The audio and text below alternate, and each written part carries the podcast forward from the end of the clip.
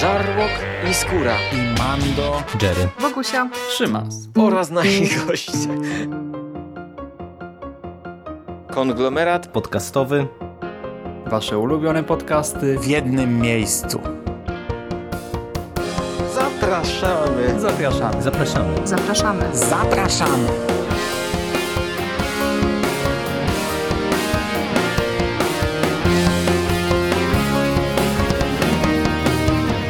Witam w konglomeracie podcastowym, czyli na platformie, która zbiera wszystkie Wasze ulubione podcasty w jednym miejscu.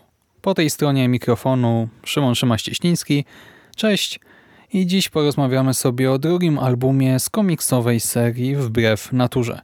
Tom drugi nosi tytuł Polowanie i ponownie zabiera nas do e, dystopii, e, właściwie antyutopii, do totalitarnego państwa zamieszkanego przez antropomorficzne zwierzęta, państwa, w którym związki homoseksualne i międzygatunkowe e, są niezgodne z prawem, są uznawane za związki wbrew naturze. Stąd też ten tytuł. I w tym świecie żyje sobie świnka Leslie, której życie właśnie runęło w gruzach. Okazuje się, że prześladujący naszą bohaterkę w snach wilk albinos naprawdę istnieje i do tego jest pradawnym bóstwem, które powoli przejmuje kontrolę nad jej ciałem i duszą. Co więcej, ów wilk jest potrzebny rządzącym w celu odprawienia pewnego rytuału, a ci nie cofną się przed niczym, by dopiąć swego. Rozpoczyna się więc propagandowa, medialna nagonka. Leslie zostaje uznana za podwójną morderczynię. Do tego rozpoczyna się też realny pościg za bohaterką, która z przymusu niejako sprzymierza się z Wilkiem Kanem, którego poznaliśmy w pierwszym albumie, Sają oraz niejaką Karol, która niegdyś pracowała dla rządu. Nasza bohaterka ma tutaj e, przekichane i to na, ty, na jej losach i na losie e, zarówno jej sprzymierzeńców, przynajmniej potencjalnych, jak i przeciwników skupiamy się tutaj całkowicie. E, drugi tom różni się więc mocno od poprzedniego. Cała ta dystopijna, antyutopijna i obyczajowa otoczka zeszła na dalszy plan. Stała się niejako tłem dla historii o po prostu legendarnych istotach, klątwach, opętaniach, takiej historii mm, fantastycznej, mitologicznej troszkę.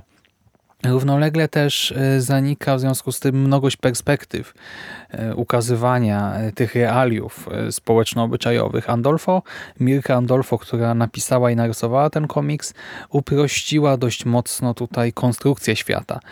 Wszystko staje się czarno-białe i trochę to przeszkadza, bo wcześniej już dostaliśmy coś lepszego, nie coś więcej i dlatego teraz takie e, okrojenie tej rzeczywistości e, troszkę boli przy czytaniu. Przykładowo zobaczymy jak funkcjonują zakłady leczenia ze związków międzygatunkowych i homoseksualizmu.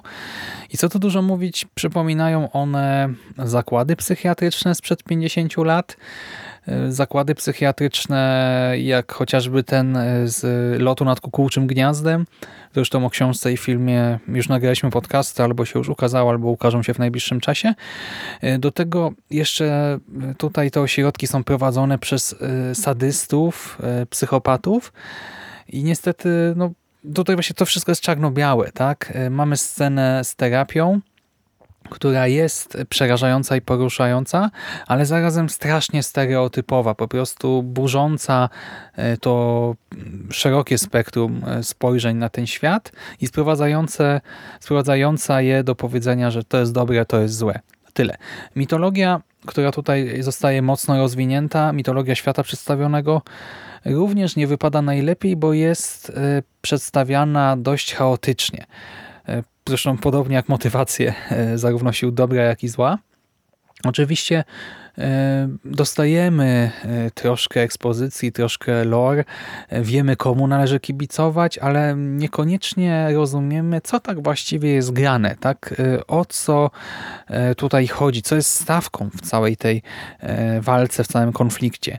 Mamy dobrych, którzy uciekają przed złymi, mają przy tym jakąś misję do wykonania, ale ta misja ona jest niejasna. tak? Cała ta e, legenda, która tutaj zostaje nam opowiedziana, no póki co no trudno się w to mocniej zaangażować niestety. A sama nasza bohaterka ma przekichane w tym tomie, tak delikatnie rzecz ujmując. Jej przyjaciele nie żyją. Jej własne życie jest zagrożone. Ona sprzymierza się z, jak gdyby z jednymi porywaczami, by zbiec innym e, porywaczom czy też mordercom.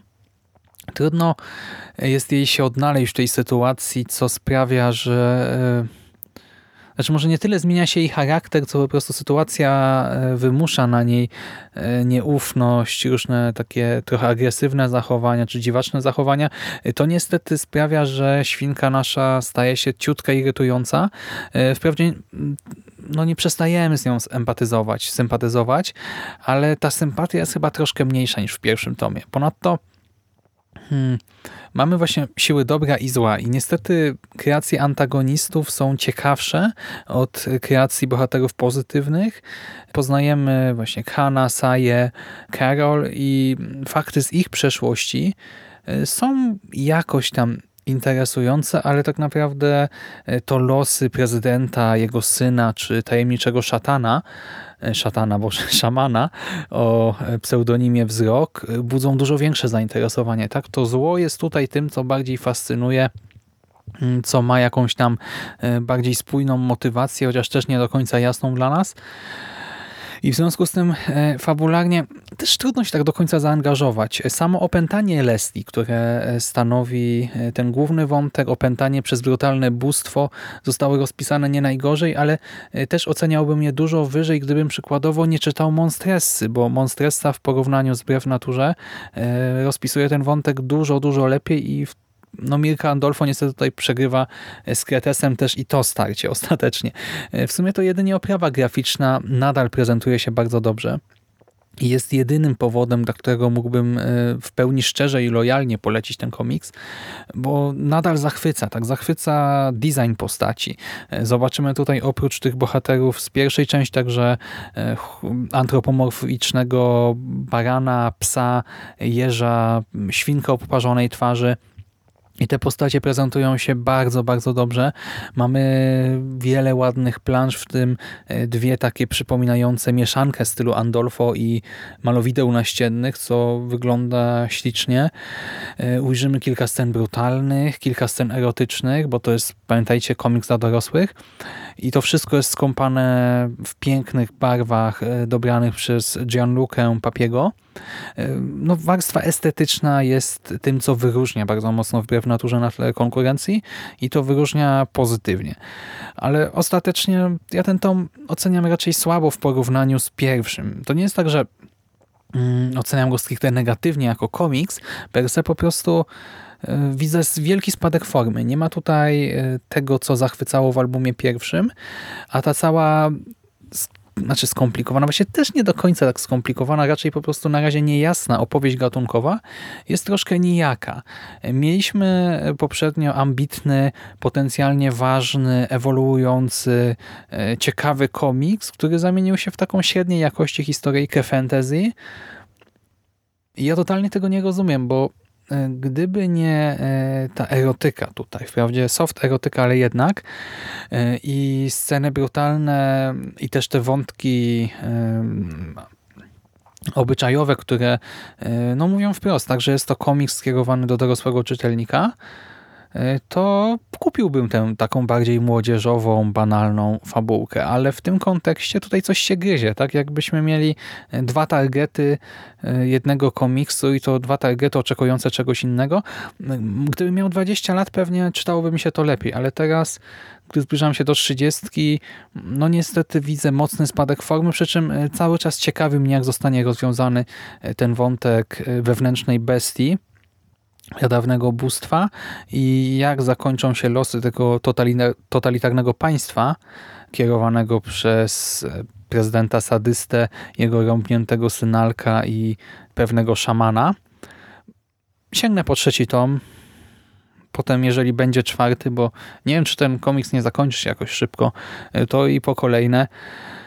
No a póki co, e, cóż, no, bardzo polecam tą pierwszy, ten drugi tak mocno umiarkowanie raczej dla estetyki w związku z tym, no, że Fajnie by było poznać tę historię do końca po prostu, ale już bez jakiegoś nastawiania się na rewolucję i rewelacje. No i to wszystko ode mnie na dzisiaj. Trzymaj się ciepło. Do następnego razu. Cześć.